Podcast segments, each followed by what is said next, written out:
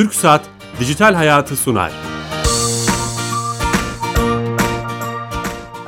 Herkese merhaba, ben Bilal Eren. Teknoloji ve dijitalleşmenin hayatlarımızı etkilerini konu edinmeye çalıştığımız Dijital Hayat programımıza hoş geldiniz. Her cuma bir başka konu ve konukla kulaklarınıza misafir olmaya devam ediyoruz. Bu hafta herhangi bir e, alanda taraflardan birinin daha fazla veya daha az bilgiye sahip olmasının getirebileceği sorunları ifade eden bilgi asimetrisini ve bu sorun özellikle COVID-19 salgı sürecindeki etkilerini konuşmaya çalışacağız. Çok değerli bir konumuz olacak.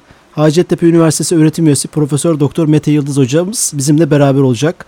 Ankara'dan telefonla bize katılacak. Ama öncesinde her her hafta olduğu gibi sponsorumuz Yüksat'a bağlanacağız ve kamunun tüm hizmetlerini, servislerini dijitalleştirerek bizlere sunan E-Devlet kapısından bir hizmeti, servisi Fatih Çiçek'ten dinlemiş olacağız. Fatih Bey telefon attığımızda. Fatih Bey. E, merhabalar Bilal Bey, iyi yayınlar diliyorum. Hoş geldiniz yayınımıza. Sağ olun, teşekkür ediyorum. Bu hafta hangi servisi, hizmeti bize anlatacaksınız? E, bu hafta yeni açtığımız bir hizmetten bahsetmek istiyorum. Lütfen. Bilgi Teknolojileri ve İletişim Kurumu Başkanlığı ile yaptığımız ortak çalışma sonucunda e, devlet kapısına nitelikli elektronik sertifika sorgulama hizmetini açtık. E-imza dediğimiz hiz, sorgulama hizmeti. Böylece 5 e, tane e, sertifika hizmeti sağlayıcının vermiş olduğu e-imzaları e-devlet kapısından sorgulayıp hem aktif hem pasif e-imzalarını görebilecekler. Ayrıca e-imzalarına ait e-imza geçerlik tarihi, sertifika veriliş tarihi ve sertifika özet bilgilerini de bu sorgulama sonucunda erişebilecekler. Elektronik imzalarımızın durumunu e, evet, vesaire evet, görüntü, mi, pasif mi, ya, e, başkası adına e, imza alma e, gibi bazı usulsüz e, durumların önüne geçilebileceğini düşünüyorum. Cep telefonu hat sorgulamasında olduğu gibi. Vatandaşlarımız E-Devlet kapısındaki bu hizmeti kullanarak hem geçmiş pasife düşmüş, tarihi geçmiş, geçerliliğini kaybetmiş e-imzalarını, sertifikalarını görebilecekler. Hem de e, geçerli sertifikaların başlangıç ve bitiş tarihini görüp buna göre de kendilerini ayarlayabilecekler. Buradan duyurmuş olalım elektronik imza sahiplerine evet. ve bundan sonra alacaklar içinde harika bir hizmet olduk. Emeklerinize sağlık. Çok teşekkür ederim. İyi yayınlar Bilal Bey. Teşekkürler. Sağ olun. Evet TürkSat'a bağlandık ve yeni bir hizmeti ilk defa bizim aracımızda sizlere aktarmış oldular. Çok teşekkür ediyoruz. Tekrar diyeceğim yeni katılan dinleyicilerimiz vardır. Bilgi asimetrisi kavramını ve COVID-19 sürecindeki e, etkilerini konuşacağız. E, Profesör Doktor Mete Yıldız Hacettepe Üniversitesi öğretim üyesi. Kendisi telefon attığımızda. Hocam hoş geldiniz. Hoş bulduk. Sağ olun Bilal Bey. Nasılsınız? Sağlığınız?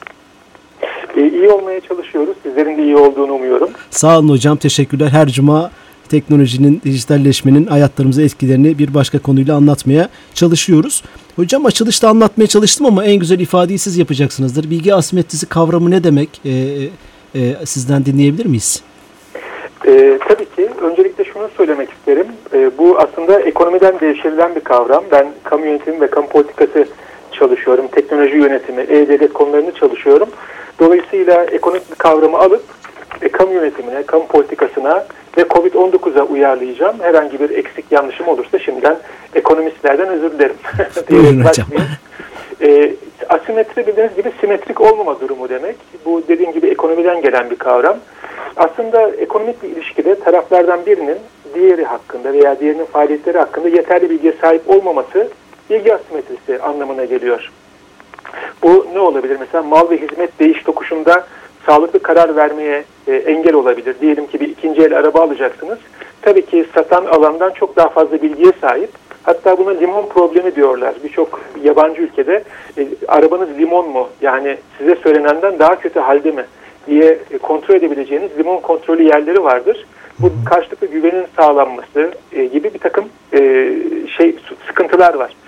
Tabii toplumsal hayata bu ekonomik kavramı uygulayınca ben kendimden bir örnek vereyim. E, son birkaç yıldır biz ders anlatırken internete bağlı cep telefonlarından sürekli öğrenciler kontrol ediyor. Hı hı. İşte şu olay şu zaman olmuştur dediğimizde hemen bakıyor o zaman mı olmuş, nasıl olmuş, sonuçları neymiş. E, yani e, bir miktar zorlaştırıyor aslında ders anlatmayı da bu sürekli kontrol. Veya sizin alanınızdan bir örnek verecek olursam mesela bir televizyon programcısı veya radyo programcısı benim gibi bir konuk çağırdı. Tabii kısa sürede bir sürü şey öğrenmesi gerekiyor konuk hakkında. Diyelim ki siz e, ne bileyim ekşi sözlükten baktınız Mete Yıldız kimmiş veya sosyal medya platformlarından bak ya açık bilgi kaynaklarına gittiniz. Çünkü bilgi asimetrisi problemi var. Beni yeteri kadar tanımıyorsunuz benim kadar. Dolayısıyla burada hem hızlı bir bilgi alma da mümkün, bir yanlış tanıma da mümkün olabiliyor diye örnekleyeyim. Evet peki hocam bunun tarafları veya etkiledikleri kimler? Böyle bir çerçeve çizmek gerekirse e, her alanda bu bilgi asimetrisi kavramı örneğin kamu bağlamında, kamu politikaları veya kamu uygulamaları bağlamında bunu taraflarını çizmek e, e, e mümkün olur mu?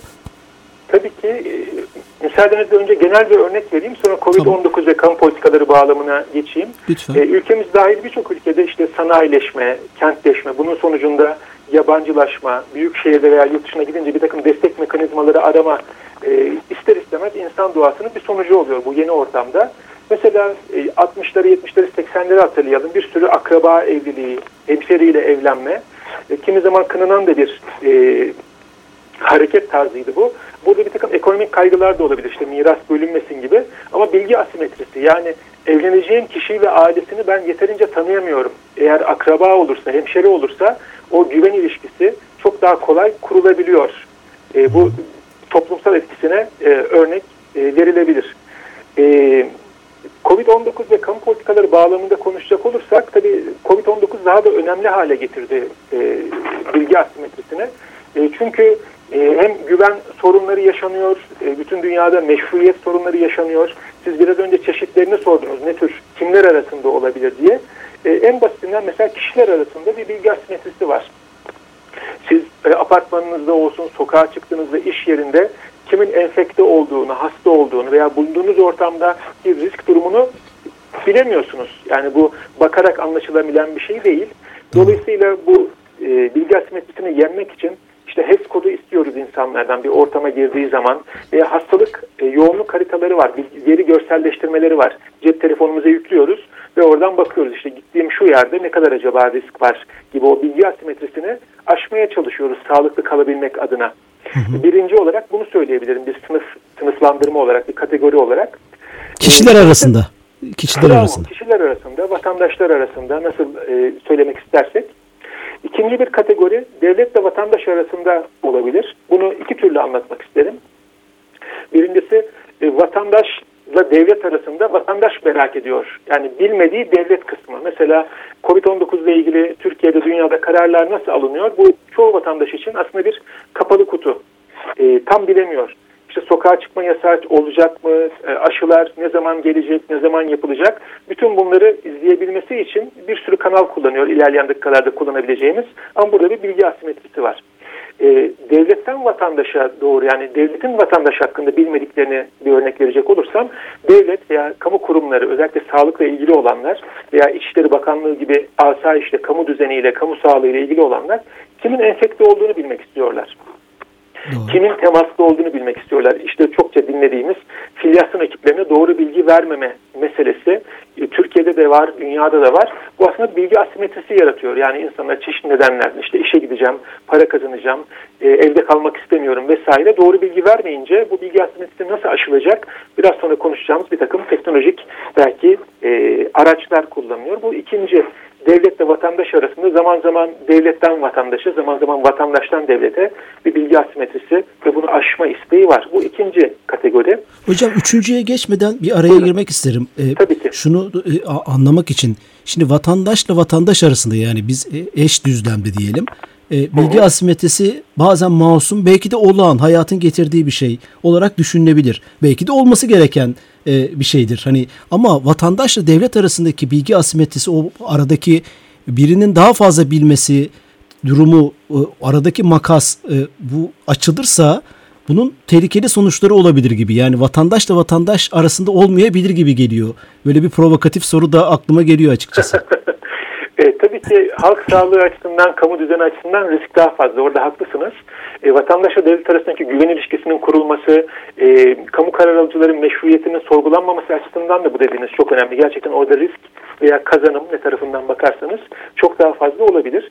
Müsaadenizle üçüncü kategoriyle lütfen, devam lütfen edeyim. Biz, yani akademisyenler çok ve fazla konuşmaya alışkınız. Lütfen siz beni bölün. tamam hocam. E, bilim insanlarıyla veya uzmanlarla siyasetçiler arasında bir bilgi asimetrisi var. Hani bilim insanının işi. Bu sadece e, tıpla uğraşan bilim insanları için söylemiyorum. Olayın çünkü ekonomik boyutları var, psikolojik boyutları var, sosyolojik e, boyutları var. E, bizim de yaşadığımız gibi aylarca. Mesela ne yapmalı? Bu sorunun COVID-19 bağlamında konuşuyorum. E, tam kapanma mı yapmalı, yarım veya kısmi kapanma mı yapmalı, nasıl yapmalı? Bu yani ne ne yapmalıdan sonra 5 n 1 k vardır ya sizin. Doğru, doğru. Onun gibi ne yapmalı, nasıl yapmalı, ne zaman yapmalı, kim yapmalı? Hani merkezi yönetim mi yapmalı, yerel yönetim mi yapmalı, aktör kim olmalı gibi. E, burada bir asimetri var. Yani bilim insanları, tıp uzmanları, ekonomi uzmanları, e, efendime söyleyeyim psikoloji, sosyoloji uzmanları e, bunu anlatıyor. Tabii son karar verici demokrasilerde olması gerektiği gibi siyasetçiler. Yani bütün bunları alıyor. Bu aslında birçok yerden veri alınıyor. Sadece tıbbi bir optimum yok. Aynı zamanda ekonomik bir optimum var. Ne kadar kapanmalı sorusuyla mesela bakacak olursak. Hı hı. Ayrıca siyasi bir optimum var. Birçok ülkede seçimler var. Dolayısıyla vatandaşları da çok mağdur etmemek veya iş dünyasını çok mağdur etmemek gerekiyor. E, siyasetçiler de bir yandan bilgi alıyorlar. O bilgi asimetrisini aşmaya çalışıyorlar uzmanlardan. Ama bütün bu optimumlara e, e, bilimsel, e, ekonomik, siyasi bakarak bir takım kararlar veriyorlar. O peki peki, peki hocam optimumun seviyesini kim belirleyecek? Hani bir bilgi asimetrisi yani birinin bir konuda başka birilerinden taraflardan daha fazla bilmesi olağandır. Bir bilim adamı Covid-19 ile ilgili birçok şeyi bilebilir. Sıradan vatandaşa, siyasiye, kanaat önderine, herhangi bir kurum başkanına göre bu olağan karşılanabilir ama oradaki şey e, e, eşik nedir? Örneğin Çin bu hastalıkla ilgili şeffaflığı, bilgi asimetrisi, optimum seviyesi tırnak içinde söylüyorum. Bir belki de ironi yaparak doğru bir şekilde ifade etseydi Ocak ayında Şubat ayında insanlığa Dünya Sağlık Örgütü'ne doğru bilgi verseydi bunu ilk söyleyen doktoru şey yerine e, ceza vermek yerine karakola davet etmek yerine dünya kamuoyunun önüne çıkarıp ciddiye alsaydı gibi gibi. Yani bu optimum optimum seviye nedir? Bakın başımıza neler geldi e, bu süreçte. E, evet. Çok da bir örnek olarak verilebilir. Çok doğru. Ben biraz sonra devletler arasındaki bilgi asimetrisinde Çin'e değinecektim. Siz hı hı. E, güzel bir giriş yaptınız ona. Ama burada sorunuza yanıt verecek olursam bu optimum aslında her ülkede e, farklı şekilde kendisini gösteriyor. Mesela siyasi optimumun ne olduğu e, seçimlerin ne kadar yakın olduğuyla ilgili. Hmm. Ekonomik optimumun nasıl belirleneceği ekonominin o andaki gücüyle e, ilgili salgın sırasında veya sırasında. E, tıbbi optimumun ne olduğu o andaki e, işte R kat sayısı diyorlar ya işte bulaştırıcılık oranı olsun, enfekte kişi sayısı olsun, hastanelerin e, veya sağlık sisteminin genel kapasitesi olsun. Yani olayı bir e, istatistiki modellemeye doğru götüren bir sürü değişken var e, bakacak olursanız. Kriz olmadan da, açıklamayız mı diyorlar yani. yani bu optimum ülkeye ve şartlara göre değişiyor diyebilirim. Bu üçüncü kategori bilim insanları ile siyasetçiler arasındaki bilgi asimetrisi. Bilim insanları ile vatandaşlar arasında bir asimetri var. E, hastalığın veya virüsün niteliği, yayılma şekli, hızı, korunma yolları, ne zaman biteceği mesela, ne zaman çıkacağız, ne zaman normalleşecek, ne zaman maske takmayacağız. Hep bunları bilim adamlarına soruyoruz. İşte nasıl yayılıyor? Dışarıda yürürken ağzımızı sürekli kapatmalı mıyız? Rüzgarla geliyor mu? Havada asılıyor mu? Ve bilim adamlarının da bu bilgi asimetrisini aşmak için bize verdikleri e, bilgiler e, her zaman tutarlı olmayabiliyor. Çünkü onların da bir öğrenme eğrisi var şu anda. Doğru. Yeni çıkan bir e, hastalık, e, bilinmeyen bir virüs. Bu e, dışarıdan bakılınca sanki bilim adamlarına karşı güvenimizi de veya bilime karşı olan güvenimizi de azaltacak gibi görünüyor ama benim gözlemlediğim kadarıyla e, bilime güven arttı dünya çapında konuşacak olursak. Burada da bir e, hatta kendi çalıştığım kurumdan bir örnekler verebilirim. E, Hacettepe Üniversitesi'nin sıkça sorulan sorular videosu, videoları var. Yani herhangi bir sorunuz varsa, e, aklınıza takılan bir husus varsa Hacettepe'nin koronavirüs bilgi portalına girin. E, dinleyicilerimiz için adresimi de vereyim. Korona yani C, C ile yazılıyor. corona.hacettepe.edu.tr e, tire TSS. Sıkça sorulan sorular. Burada e, sorunuzu soruyorsunuz, gönderiyorsunuz. Videolu olarak uzman size yanıt veriyor ve Hacettepe'nin, işte Hacettepe malum Türkiye'deki en öne çıkan e, tıbbi e, kuruluşlardan biri doğrudan uzmanınızdan e, bilgi alıyorsunuz. İşte aşıma olur, e, işte COVID hastalarının pıhtılaşma bozukluğu varmış falan filan girerse dinleyicilerimiz orada görecekler. Bu da bilgi asimetrisini aşmanın yollarından biri. Hani bizim kültürümüz biraz da beni çokça okutmayın, çok sayfa sayfa okutmayın. Bir videoda bana uzman anlatsın. Buna da yatkın. Dolayısıyla ilginç bir açılım. Ve son olarak e, biraz önce sizin de Çin örneğinde sorduğunuz devletler arasında bir bilgi asimetrisi var. Kimisi bunu küreselleşmenin de biraz sekteye uğrat, uğramasıyla beraber veya bu nedenle belki sekteye uğradı bir miktar. İşte Çin mesela yeterince zamanında bilgi paylaştı mı? E, son dönemde bunu mesela aşı savaşları diyebileceğimiz olguda görüyoruz. Kim ne kadar üretiyor, ne kadar kendini saklıyor, kaça satıyor, kime satıyor vesaire. Burada da hani yine güven ve meşruiyet meselesinin bu aşı için konuşuyoruz ama yarın ilaç çıkarsa ilaç için de e, bunu konuşuyor olacağız. Veya sizin dediğiniz gibi virüs acaba e, daha erken mi çıktı, e, bildirilmedi mi, bildirenlere yaptırım uygulandı. Biraz önce Çinli doktor örneğini verdiniz Doğru. gibi farklı çeşitlerini tanımlamamız mümkün hı hı. diyeyim. Peki hocam bu hani çerçeveyi çizdik ve tanımını da yapmaya çalıştık. Bazen olağan da bilgi asimetrisi onu da anlıyorum ama sizin deyiminizde optimum belki de sokak ağzıyla kritik seviyelere geldiği zaman tehlikeli sonuçlara e, sebep olabiliyor. Peki bu kadar iletişim teknolojilerinin çoğaldığı, şeffaflığa iten birçok e, teknolojinin e, olduğu işte sosyal medya, internet, e, herkesin cebinde, herkes birbirine bağlı. Hala bu bilgi asimetrisi sorunu sizin söylediğiniz seviyede neden oluyor? Belki bir kadim bir soru bu, bu ama yani bunun aşılması gerekmez miydi? Yani bundan 200 sene önce iletişim e, olanakları daha kısıtlıyken değil bugünden bahsediyoruz. E, ama hala farklı bilgilerin farklı ölçülerde e, insanlar kimi ki, çeşitli motivasyonlarla saklama olabilir, başka bir neden Hı-hı. olabilir. Ne, neden iletişim geliştiği halde bu sorun hala günümüzde daha da büyüyerek devam ediyor sizce? Aslında sorduğunuz sorunun iki yönü var. Yani e, çizilen tablonun aydınlık ve karanlık tarafları var. Müsaadenizle ben karanlık tarafla başlayıp sonra Lütfen. aydınlık tarafla bitireyim. E, şöyle bir atasözü var çeşitli dillerde. Cehalet mutluluktur diye. E, aslında az bilmek insana az kaygı da yaratıyor. Şöyle diyeyim veya onu revize edeyim diyeyim ki e, bilginizi arttırabilirsiniz ama çok fazla bilgilenmek herhangi bir konuda eğer o bilgilendiğiniz konu veya sorun üzerinde kontrolünüz yoksa veya azsa stres yaratabilir. Çaresizlik hissi yaratabilir. Diyelim ki dünyaya bir göktaşı çarpacak Allah korusun bir ay sonra ve siz de sürekli bu bilgi deryasında bunun hakkında okuyorsunuz. Tartışma programlarını izliyorsunuz ama yapabileceğiniz herhangi bir şey yok. Çarpınca yaşanacak felaketler konusunda çok fazla bilgilenmek sizde ancak stres ve çaresizlik yaratabilir. Yani sosyal psikolojinin bulguları da bunu gösteriyor. Eğer korkutarak insanları bir şeye razı etmek istiyorsak işte mesela maske takma meselesi olsun çok konuşulduğu için gösterebiliriz tabii ki yoğun bakımlarda yatan insanları. Fakat bu konuda bir şey yapabileceğini, e, maske takarsanız bunu yaşamazsınız dediğimiz için o aslında etkili bir iletişim yöntemi. Ama ne yaparsanız yapın bu duruma düşeceksiniz noktasında olsaydık, mesela elimizi yıkadığımızda gitmemiş olsaydı virüs sabunla bu bir sıkıntıydı. Bunu bilmenin çok bir anlamı yoktu. Bu anlamda çok fazla bilgilenmek dediğiniz gibi sorun yaratıyor stres yaratıyor, çaresizlik hissi yaratıyor. Ama sorun üzerinde bir şey yapma bilgisi de katabiliyorsak aslında bu çaresizliği veya stresi azaltıyor. Hani aydınlık tarafı demiştim biraz önce. Onu da söyleyebiliriz. Hani bugün günümüzde artık o kadar teknolojiye boğulduk ve o kadar fazla kanallardan bilgi akıyor ki bir bilgi denizinde boğulur gibiyiz. Bir bilgi bombardımanı altında gibiyiz. Burada hangi bilgi güvenilir bilgi? Bunu nasıl e, ayrıştıracağız? Ben teknoloji çalıştığım için birkaç ayrıştırma yöntemi söylemek isterim. Bunlardan bir tanesi bazı web siteleri var. Türkiye'de kullanılanlar, yurt dışında kullanılanlar. Ee, belki dinleyicilerimiz de bunları zaman zaman kullanıyordur. Teyit.org diye bir web sitesi var mesela. Bir bilgi, haber doğru mu? Bakabilirsiniz. Yine doğrulukpayı.com aynı şekilde. Bilgi doğru mu? E, güncel mi? Yurt dışından bir örnek vermek isterim. Factcheck.org nasıl çevirebiliriz? E, doğruluğunu kontrol edin .org gibi bir şey. Factcheck.org.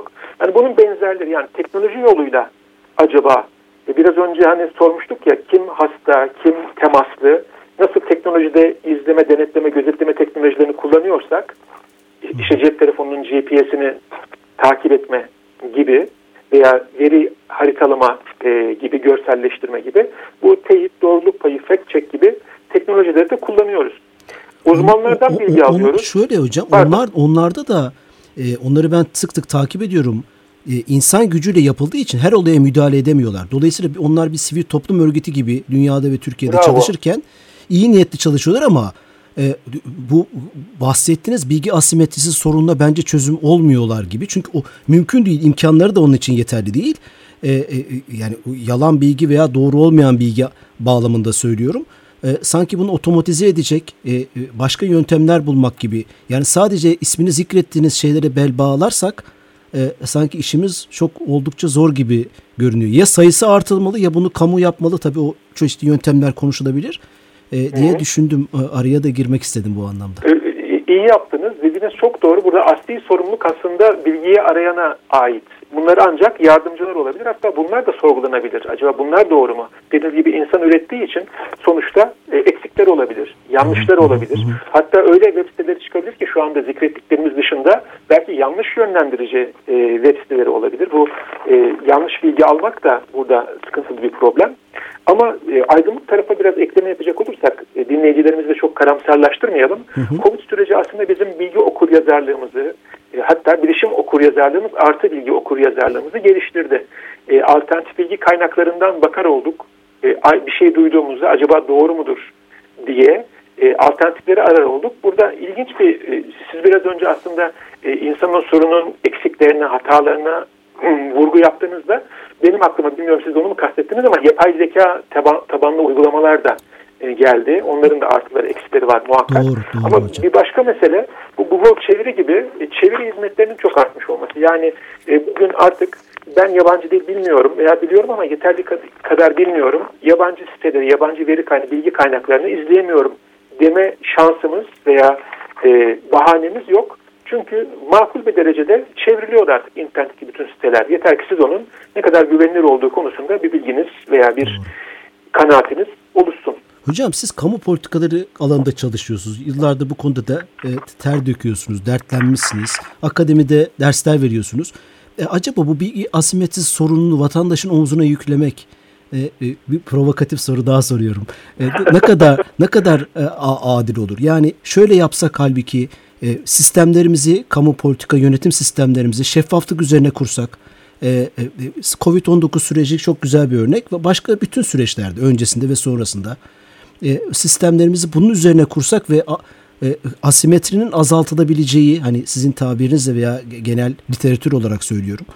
Böyle bir sistem kursak da vatandaşların üzerine bunu tabii ki onların da e, yani bizlerin de bu konuda sorumlulukları var ama böyle ideal sistemler kurmak daha doğru olmaz mı? Bilmiyorum. Ne dersiniz? Çok doğru. Aslında siz sorunun özüne e, yönelik bir soru sordunuz. Bütün bu e, verdiğimiz örnekleri, tartışmalarının kalbine gidecek olursak aslında burada e, kişiler veya kurumlar veya kişiyle devlet arasındaki çeşitli boyutlardaki güven ilişkisi veya e, meşruiyet e, ilişkisine varıyoruz. Ve yine bilgi asimetrisi kavramının da özüne gittiğimiz zaman neden acaba bilgi asimetrisi kaynaklanıyor? Birinci kaynak uzmanlık. Yani bizim bir doktora gittiğimiz doktor kadar tıbbi bilgilenme şansımız yok. yok. Veya bir ara, arabamızı tamirciye verdiğimizde tamirci kadar e, arabanın işleyişiyle ilgili bilgi edinme şansımız gerek de yok değil mi hocam? yok. Gerek, gerek de, yok. de yok. Gerek de yok. Dolayısıyla uzmanlığı acaba e, mesela kanaat önderleri hani izliyoruz ya doktorlar her konuşan doktoru aynı ilgide ve inanırlıkta dinlemiyor olabiliriz veya farklı doktorların söyledikleri daha cazip ve daha doğru geliyor olabilir. Bu uzmanlığı acaba nasıl e, uzmanlık sorunundan kaynaklanan bilgi asimetrisini çözebiliriz? Pek mümkün değil. Ama uzaklıktan, yakınlıktan kaynaklı işte bilim kurulunda ne konuşuluyor? O odada olmadığımız için bilemiyoruz. Ama sizin dediğiniz şeffaflık, hesap verebilirlik, katılımcılık bunlar olduğunda e, çok daha e, hem bilgilenmek hem de güvenmek mümkün. Evet. Haklısınız. Mesela hocam e, dünyada da örneklerini görüyoruz. Ülkemizde de o kadar büyük bir ihtiyaç olmuş ki artık iletişim başkanlığı isminde bir departman kuruluyor ve e, ciddi e, burada ekipler çalışıyor. Yani bunun ihtiyaç olduğu günümüzde artık o kadar aşikar ki değil mi? Yeni hükümet sistemi iletişim başkanlığı isimli bir bölüm var, başkanlık var. Bu hani bilgi asimetrisini yok etmek motivasyonuna kurulmuş bir departman gibi geliyor bana. Evet devletler hem sizin verdiğiniz örnek bağlamında hem de diğer e, örneklerde, diğer devlet örneklerinde bu tür birimler kuruyorlar. Yani bizden e, alsınlar bilgileri daha güvenilir olsun, kontrol edilebilir olsun e, istiyorlar. Fakat insan doğası e, ister istemez yani bu kültürden kültüre değişiyor ama mesela Anglo-Amerikan kültüründe devlete karşı bir güvensizlik var. Yani ta Amerikan devriminden beri var. Hı hı. İşte e, maske takın diyorlar, takmıyorlar. Uzak durun birbirinizden diyorlar, durmuyorlar. Dışarı çıkmayın diyorlar, e, çıkıyorlar. E, bu kültürel bir şey ve tabii dediğiniz türden birimlerin kurulması, bunun veri üretmesi ve paylaşması çeşitli platformlarda kesinlikle etkili olur. Ama kültürel değişkenler veya konjonktürel değişkenler de burada önemli. Siz bir birim de kursanız eğer güven ilişkisi, meşruiyet ilişkisini tam olarak test edemediyseniz bunun etkisi sınırlı olabilir. Hı hı. Hep şey taraflarını, sorgulanabilir taraflarını konuştuk ama son iki dakikada bilgi asimetrisinin iyi olduğu şeyler var mı? İyi olduğu durumlar, gerekli olduğu durumlar. Ee, evet, e, burada daha önce e, söylemiştim ama bilgi denizinde boğulmamak için hmm, bilgi bombardımanının altında can vermemek için e, belki çok fazla ya nasıl bunu söyleyeceğimi de bilmiyorum. Hı Belli bir nokta var ki artık o konuda bilgi edinmek o veya bu kaynaktan sizi e, strese sokuyor. Bir çaresizlik hissi e, yaratıyor. Hatta bazı durumlarda işte e, dinleyicilerimiz de e, buna maruz kalmıştır. Bir takım komplo teorileri. İşte ne olacak? Yeni bir dünya düzeni kuruluyor aslında. Covid-19 bahane. Veya kimi dergilerde büyük reset, yeniden dünya formatlanıyor işte hepimize çip takacaklar doğru. gibi noktalara doğru giden komple teorilerine eğer... Son zamanlarda da çok yaşıyoruz bunu evet çok duyuyoruz. Bravo. Çokça. Eğer o götürüyorsa, stres yaratıyorsa, e, olumlu katkıda bulunmuyorsa hayat kalitenize e, bazen bilgilenmemek veya en azından bir ara vermek e, seçici davranmak daha iyi olabilir sanki. Bilmiyorum siz ne düşünürsünüz? Evet hocam e, fazlası da zararlı gibi görünüyor ama buna rağmen kapalılığın her zaman veya işte e, saklanma demeyelim ama şeffaf olmamanın neticelerinin daha dezavantajlı olduğunu düşünüyorum şahsen. Yani e, evet e, çok fazla bilginin de zararı var gibi görünüyor komplo teorileri vesaire üretmede ama bu birbirine karşılık gelmiyormuş gibi. Evet evet alternatifinden zararına baksak bile alternatiflerinden e, çok daha iyi bir durum bu bilgi asimetrisinin doğru, giderilmesi doğru. o veya bu yolla. Doğru. Artılarına eksilerine baktığımızda artıları dediğiniz gibi fazla. çok daha fazla. Fayda zarar analizi yaptığımız zaman. Hocam süremizin sonuna geldik. Ağzınıza sağlık. Çok aydınlattınız bizi. Çok teşekkür ediyoruz. Çok teşekkürler. Çok keyifli bir sohbetti benim için harika, de. Harika. Bütün dinleyicilerimize sağlıklı günler diliyorum. Sağ olun hocam. Şeref verdiniz. Evet Hacettepe Üniversitesi öğretim üyesi Profesör Doktor Mete Yıldız hocamla e, çok kadim de bir sorunu bilgi asimetrisi ve COVID-19 sürecindeki etkilerini e, konuşmaya çalıştık. E, umarım e, güzel bir program olmuştur dinleyicilerimiz için sizler için. Haftaya yeni bir konu ve konukla e, beraber olacağız. Bu programımızın kaydını pazartesine itibaren tüm podcast mecralarını ve YouTube'da da bulabilirsiniz kaçıranlar için. İyi hafta sonları. Hoşçakalın.